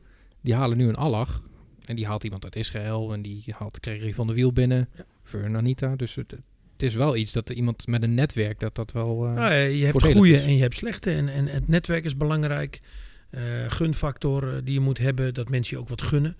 Eh, maar ik vind zeker dat het netwerk, als ik zie wat voor spelers wij aangeboden krijgen, wat voor spelers scouting mee komt. eh, West-Duitsland wat we helemaal afdekken, België. Eh, en als je ook ziet wat voor kwaliteit er komt, dan, vind, dan vind ik het zeker niet slecht wat ik hier zie. En zal het komend seizoen ook moeten bewijzen. En natuurlijk in de mensen die we aangetrokken hebben en hun ontwikkeling. Of we het goed hebben gezien. Maar dat is altijd achteraf kijken. Maar ik heb er heel veel vertrouwen in. En ook de kwaliteit die ik voorbij zie komen. En ook de kritische houding. En de discussies die er plaatsvinden. Waar ik bij mag zitten. Over bepaalde spelers. En die gaan echt flink en goed inhoudelijk. En dat vind Ja. ik goed. Want het gaat over elke euro is er één van ons. En we kunnen ons eigenlijk geen fout permitteren. Ja. Het belangrijkste was wel dat we jongens zochten met een goede kop. eh goede mentaliteit. En ik, ik denk daar sowieso dat we erin geslaagd zijn in combinatie met bepaalde voetbalkwaliteiten. Deels nog te ontwikkelen. Dat zijn jonge talenten, daar moet je altijd van afwachten. En deels met jongens die er gewoon gelijk staan. Dan hebben we nog een vraag over eh, volgens mij de doelstellingen. Top 5. Ja, hoe reëel is die? Ja, van, eh, van Henry Jansen. Die vraagt, is dat wel realistisch, top 5? We zitten meer van de staat in drie jaren plan. Dus Nou, het staat in een driejarenplan, maar het, kijk, het is wel een uitdaging. En eh, ik heb net al gezegd, het blijft een jong team. Eh, ook met Rens en ook met Edgar. En eventueel nog een routinier die we halen. Maar ehm, het blijft een jong team en dat zie je vanavond ook. En een jong team maakt af en toe nog wel eens fouten. Eh, dat, ja, de een pakt dat sneller op dan de ander. Dus het zal voor ons een uitdaging worden de eerste vijf. Als je eerste vijf speelt, speel je mee aan de play-offs. En dat willen we doen. Want dan kan er van alles gebeuren. En we hopen dan dat we ons team zodanig hebben ontwikkeld. Speltechnisch en, en ook de individuele kwaliteiten. Ja, dat we mee kunnen doen in de play-offs. En dat we dat beter kunnen doen dan twee jaar geleden. Want dat was een grote schande. Ja. En daar zijn we er echt eh, dramatisch afgegaan. Eh, met geen mentaliteit, geen goede koppen van onze gasten. En we hopen eh, dat dat beter is in deze groep. En we hopen dat het elftal beter wordt. Met de eerste helft van het seizoen zal het echt weer met vallen en opstaan gaan. Omdat het gewoon jong is. En dat weten we. Alleen we hebben een trainer die daar goed mee om kan gaan. Die dat gewend is. Ron, ja, die daar ook een bepaalde nuchterheid en rust in heeft. En ook tactisch natuurlijk erg sterk is. En we hebben daar Stefan Maletic bij gezet. Die vooral ook eh, voor de aandacht voor de jonge spelers, individuele gesprekken. Dat vergt veel bij deze jeugd. Waardoor we toch denken dat we zeker in de tweede helft van het seizoen stappen moeten kunnen maken. Want dan moet dat proces gewoon zichtbaar worden. Ja. Maar het zal niet makkelijk zijn. We zullen ook wel eens achtste of negende staan. Eh, maar we kunnen ook wel eens een keer derde staan. Dat, dat gaat dit seizoen gebeuren. ja, nee, want in principe top 5, daar, daar heb je niet zo heel veel aan. Het is of top 2, dan promoveer je, of play-offs. Ja, ja en dat, dat zul je moeten zien in de winterstop eh, waar je staat. Hoe ver je staat. Ehm, dat, dat kan alle kanten op. Maar ik vind wel dat er heel veel kwaliteit in zit. Is ook een beetje afhankelijk van wat we er nog bij kunnen krijgen. Hè. Ik moet zeggen dat Giron echt een eh, hele goede analyse had aan de voorkant. De diepgang, de creativiteit, het aanspeelpunt. Ja, als dat tijdig erbij is en we kunnen dat snel integreren, want dat moet ook nog passen bij elkaar. Nou, dan kun je misschien eh, in die top 5 continu blijven. Dat zou mooi zijn, want dan kan er alle kanten heen. Kan ook zijn dat je wat langer nodig hebt. En ja, dan kan het wel eens zijn dat je zevende of achtste staat. Ja. Het is een brede top, hè. let op. eh, Graafschap en Cambuur zijn natuurlijk met hun ervaren selecties eh, grote favorieten. Zijn ja, de twee favorieten. Klopt, dan heb je? Ja. Almere wat zich goed versterkt heeft. Volendam met Antonucci nu weer terug. Houdt toch aardig het elftal bij elkaar. Ja. Eh, Excelsior wil promoveren. NAC, NAC, wil promoveren.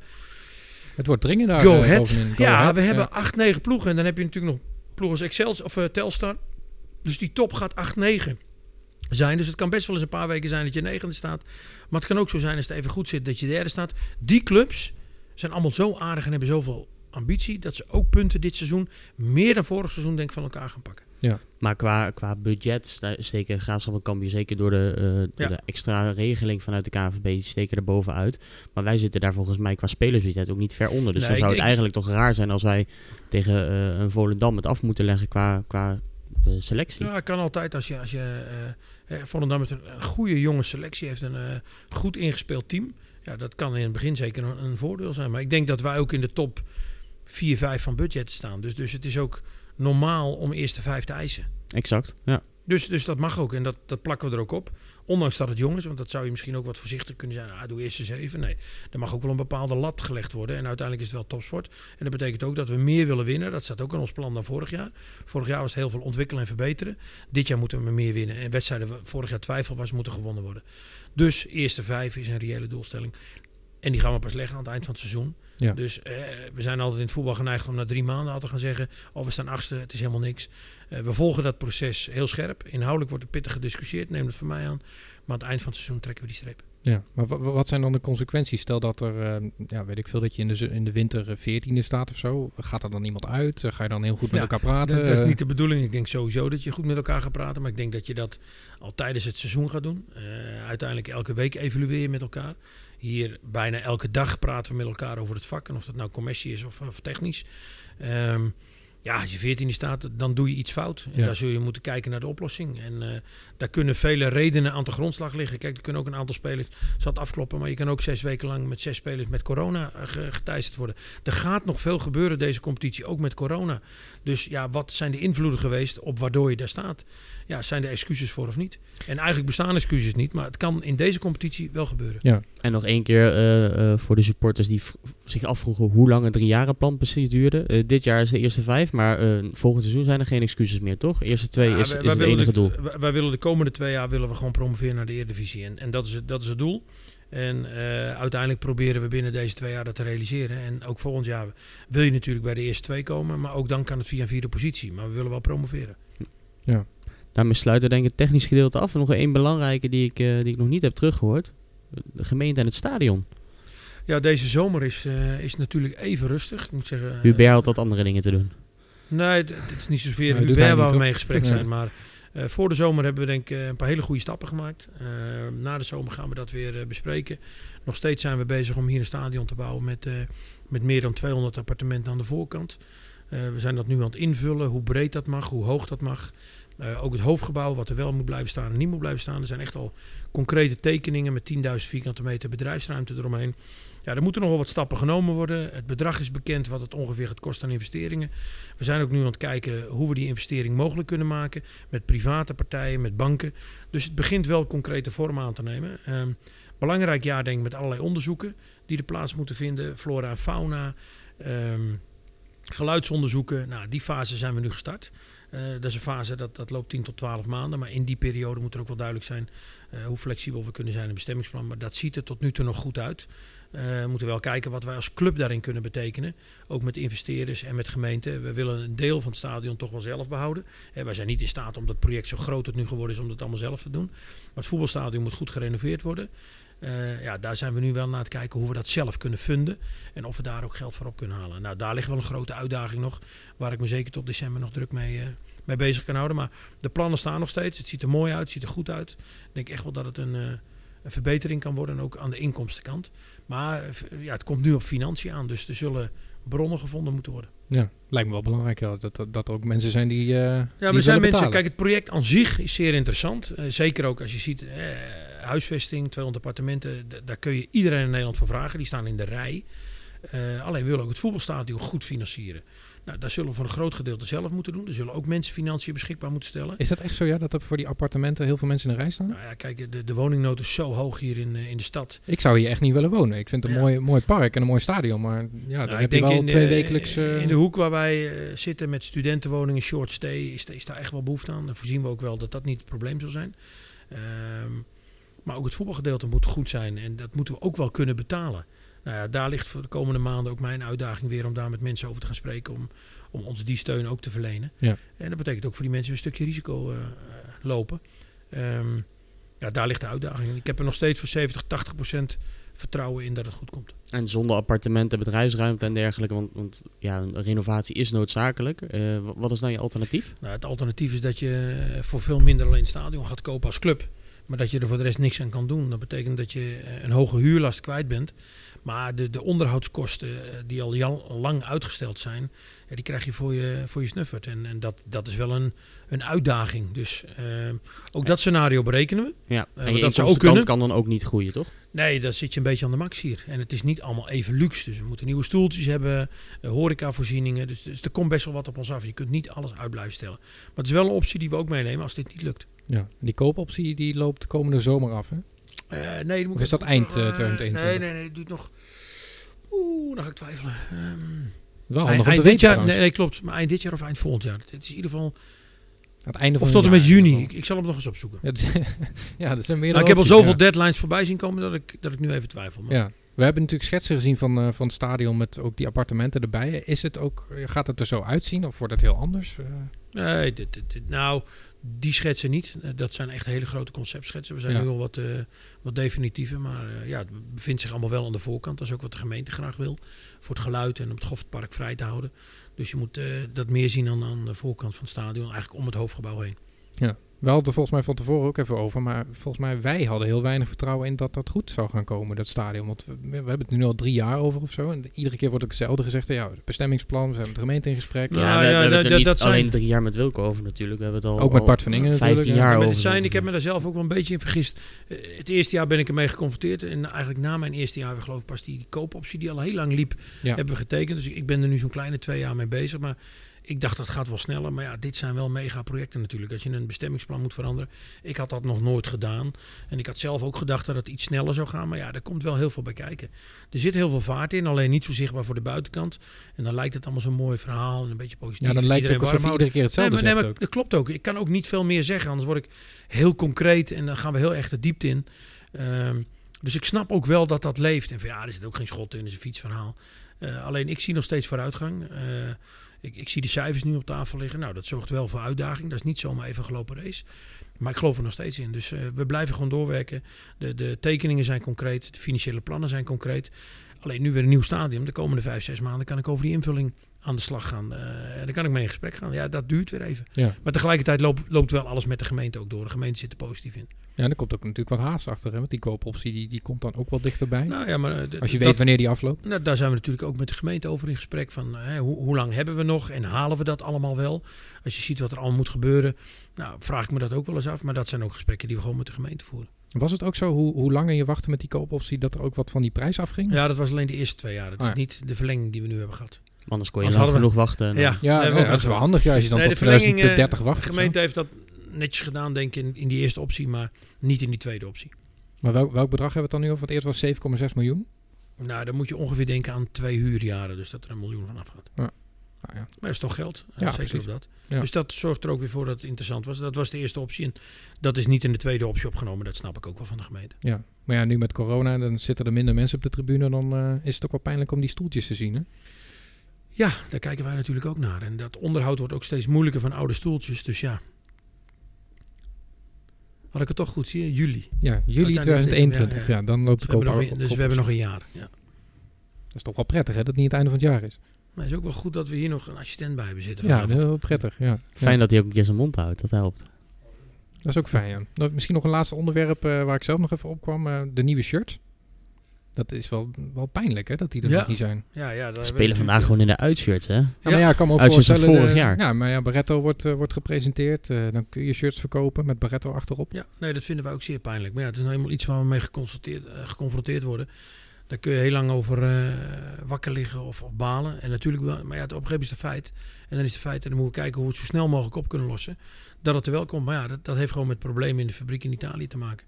Die ook geconfronteerd zijn met, eh, met corona. Ja, daar kun je heel boos over worden. Die mensen heel veel verwijten. In het begin is dat terecht geweest, omdat we de eerste jaren daar problemen mee hadden. Vorig Ja. jaar hebben we helemaal geen problemen gehad. Ja, die mensen is dit ook overkomen. En eh, laten we hopen dat het voor de eerste wedstrijd lukt. En anders hebben we nog groter problemen. Ja, en volgens mij NAC en eh, Roda hebben dezelfde problemen. Dezelfde Ja, ja. kledingleverancier. Ja. Maar het is, het is wel de hoop dat het eh voor ieder Nee, dat hebben we ook. Garantie hebben we nog niet gekregen. Maar het is wel de hoop. Ja. Storend. Zeer storend. Ja, nee, Vinden wij ook. zeker. Dus, ja, ja. Terecht. Oké, nee, dan eh, zijn we bij het einde, denk ik. Hè? Dan Ja. eh, gaan we een beetje vooruitblikken nog op het seizoen eh Cambuur. Ja, hoeveel punten halen we de eerste vijf wedstrijden? Oeh, dat is wel een Ik moeilijke heb hoor. er vandaag over nagedacht. Iemand vroeg me dat, geloof ik. Wat, wat dacht jij Nee, eigenlijk wanneer toen. Wat dacht jij eigenlijk toen het competitieprogramma bekend werd? Ja. Jij keek naar die eerste vijf en je denkt van nou... eh, Kut. nee, ja, weet je, je moet ze allemaal spelen. Eh, je komt ze allemaal een keer tegen. Ja, weet je, denk je dat Cambuur en de Graafschap het leuk vinden om tegen ons te spelen? Dus het is maar net met welke instelling ga je naar Cambuur. Ga je nou, ah, Cambuur, ja, er is niks te halen. Of ga je erheen van, nou, uiteindelijk willen wij ook meedoen bij die eerste vijf. Dus wat is je instelling als speler en als staf en als club als je naar Cambuur gaat? Wij moeten daar gewoon heen gaan om te winnen. En uiteindelijk de druk ligt bij Cambuur. En dat geldt ook als we tegen de Graafschap spelen. Jong Ajax, ja. Weet je, je komt ze allemaal een keer tegen. Als wij eh, een puntje of tien uit die eerste vijf wedstrijden kunnen halen, eh, nou, dan, dan zou ik heel tevreden zijn. Dat is wel riant. Ja, nou ja, oké, maar ik vind ook de lat mag best wel hoog liggen. En ik vind ook gewoon als wij in staat zijn de komende twee weken nog één of twee versterkingen te halen, eh, dat wij zeker competitief moeten kunnen zijn aan dat soort teams. Ja. En de druk ligt daar en met druk spelen. En daar ben ik heel benieuwd naar dit jaar. Eh, ja, dat zal toch eh, voor hun een hele andere dynamiek geven. Graafschap. Vorig jaar zeiden het sowieso al, maar groeide de druk in het seizoen. Nou, dat heeft best wel af en toe wel onder druk gestaan. En Cambuur begon vorig jaar echt als, ja, verrassende en, en kwam naarmate het seizoen vorderde echt in vorm. Nou, ik vind die echt kampioenskandidaat. Die hebben een ingespeeld team. Eh, maar ik wil wel zien als ze het hele seizoen met druk moeten spelen. Druk verlamd in de topsport. Er zijn maar weinig ploegen die er tegen kunnen. En ik vind het mooi om te zien. En het zijn allebei echt de allerbeste ploegen in onze afdeling. Daar hoeven we niet voor weg te lopen. Dat zien we ook in de voorbereiding. Dus het zal voor ons allemaal een hele uitdaging worden om uh, ja, Graafschap en Cambuur te verslaan. Ook voor ons. Ja, maar Cambuur uit, uh, dan zeg jij gewoon winst. Nee, maar elke wedstrijd denk ik als NEC in de keukenkampioen divisie... als we de selectie op orde hebben, moet je gaan voor winst. En moet je van je eigen kwaliteit uitgaan, van je eigen strategie die je kiest. En als wij in staat zijn om er nog één of twee spelers bij te halen, moeten wij uit naar Cambuur gaan. En dan moeten we heen gaan met maar één ding om te winnen. Uiteindelijk moeten we elke wedstrijd willen winnen dit seizoen. En denk ik dat we daar meer toe in staat zijn dan vorig seizoen. Ja. En dat zal niet altijd gebeuren, maar het moet wel de intentie zijn. Gewoon uh, Bukusu uh, laten meelopen met muren eigenlijk. Ja. ja, dat is natuurlijk wel degene die de doelpunten maakt uh, bij Ja, nee, dat klopt. Ja, ja. Nou, daar, daar zie je maar weer hoe belangrijk een goede spits is. Cambuur heeft zich daar erg voor uitgesloofd, heb ik gehoord. Uh, ja, ik denk dat je daar een, een, als club ook uh, een uitzondering in moet maken. En dat je daar iets verder in moet gaan dan. Ja, want wij hoorden dat hij echt heel duur was. Om dat te huren ik, ook. Dat, dat, heb ik ook vernomen. Ik kan ja. natuurlijk niet. Uh, maar ik, ik, weet wel wat hij in België verdiende. Dat zijn onmogelijke salarissen. Uh, maar het geeft me aan hoe belangrijk zo'n speler is. Dat hebben we vorig jaar gezien voor Cambuur. Ja. Uh, ja, je koopt wel doelpunten in. Nou ja, en uiteindelijk is het met een spits altijd of je hem nou huurt of uh, via een transferpak. Je koopt iets. En bij een spits is dat een garantie op doelpunten. Ja. En, en ja, daar, zul je, zeggen, ja. daar zul je iets verder voor uh, ja, in, in, in het geld moeten steken dan, dan een gewoon jong talent. Dus daar hebben we ook wel een beetje rekening mee gehouden. Dat wekt wel verwachting voor, voor de spits die je nog gaat aantrekken. Nou ja, je zit wat later in de window. Dat zorgt er altijd voor dat die concurrentie wat, wat, wat heftiger is. En in het begin van de window uh, is er ook niet zoveel flexibiliteit. Ook niet bij andere clubs. En die zien nu ook, ja, misschien moet ik die dan toch maar laten gaan. Want er komt weinig vraag voor. Of ik kom met niemand rond. Ja, het zorgt er wel voor dat je, als club moet je voor je spits wel een investering doen. Ja. Daarom is het zo lekker als je hem zelf in huis hebt. En soms heb je dat geluk en soms moet je nog even wachten. Maar ik denk wel dat we voor de, voor de spits budget vrij moeten maken. Maakt in ieder geval heel veel mensen nieuwsgierig, denk ik. Ja, dat, uh, dat, maar dat is ook het leuke toch van deze fase met transfers en wie komt er en wie gaat er. En uh, ook voor ons, hè. Kijk, ook voor ons in de gesprekken die we hebben. En soms zit je wel eens naar zo'n gesprek en denk ah, deze moeten we echt hebben. Maar ja, dan gaat dat spel aan de gang. En, en dan, dan gaat hij naar Cambuur. Nou ja, dat zou, dat zou soms kunnen. Hè. En dan baal je ook weer. Maar ja, zijn opvolger is echt alweer geboren. En ja, wij, wij zijn soms net zo nieuwsgierig en net zo zenuwachtig uh, op een positieve manier als jullie. Omdat soms moet je het spel spelen met andere clubs en dan hoop je dat diegene voor jou kiest. En dan nog moet je het rondmaken en moet het contract opgesteld worden. Moet je met die zaakwaarnemer eruit komen. Het is een heel spel. Ja. Sharon, uh, wat verwacht jij van Cambuur? Misschien de eerste vijf wedstrijden ook? Ja, weet je, het, het, ligt best wel dicht bij elkaar. Heel veel, heel veel clubs. En ook voor Cambuur geldt. Als daar Muren zijn kruisbanden afscheurt na, uh, net nadat de transferwindow is gesloten. Dan worden ze ook echt geen kampioen. Ja. Het, het, het, wat Wilco zegt, daar ben ik het wel mee eens. Die top 9, die, die kan heel dicht bij elkaar liggen. Valt het kwartje goed snel. Uh, dan kun je zomaar meedoen bij de eerste vier. Graafschap verliest nu Branko van de Bomen. Uh, dat helpt ook niet echt mee. Dus ik denk, ja, heel veel hangt ook met geluk samen. Juist omdat alle selecties zo dicht bij elkaar liggen. En ja, dan, we, we, dachten En we weten ook, niet wat corona gaat doen. Hè? Want dat, ja. Het gaat overal gebeuren, bij iedereen. En, en hoe gaan we daar met z'n allen mee om? Elke club heeft een smallere basis. Dus dat gaat ergens een weerslag krijgen. Of met een blessure of door corona. Ja, dan moet je ook maar kijken hoe iedereen zich dan houdt. Oké, okay. nee, dan, uh, dan zijn we er. Welkom af te sluiten. Wie, wie wordt die spits? Ik zou het nog niet durven zeggen. uh, die top 3 die Ik ga zo meteen weer met Nick bellen. Dan ga ik weer een uur de auto in. En dan ga ik weer bellen. En dan gaan we eens kijken hoe ver we staan uh, met onze kandidaat. Ah, nou, wie weet kunnen we binnenkort inbellen. Dan uh, als we, dan, als we dan een primeur hebben, dan uh, kan, kunnen we altijd even... Live aankondiging is nooit weg. Ja, precies. Ja. Barretto greep een dagje naast volgens mij met de podcast. Dus. Ja, toen zaten we net al onder. Ja, toen werd dat doek opgehangen hier. Ja, ik had het eigenlijk misschien tegen Jeroen moeten zeggen. Maar ja, ik was nog een beetje... Toch een beetje, beetje voorzichtig. Ja. Weet je, het moet altijd de handtekening moet op papier staan. Dus, uh. Nou, dan die spits, die, uh, die horen we dan wel, hè? Uh, ik weet niet wanneer jullie weer een podcast hebben. Ik kijk ook niet. Wanneer nee. jij een spits hebt. Zitten we morgen weer hier. Ja. oh, dat is interessant. Ja. Nee, top. Bedankt, uh, okay, Wilco. Graag voor je gedaan. En ook voor Sharon de supporters. Dankjewel.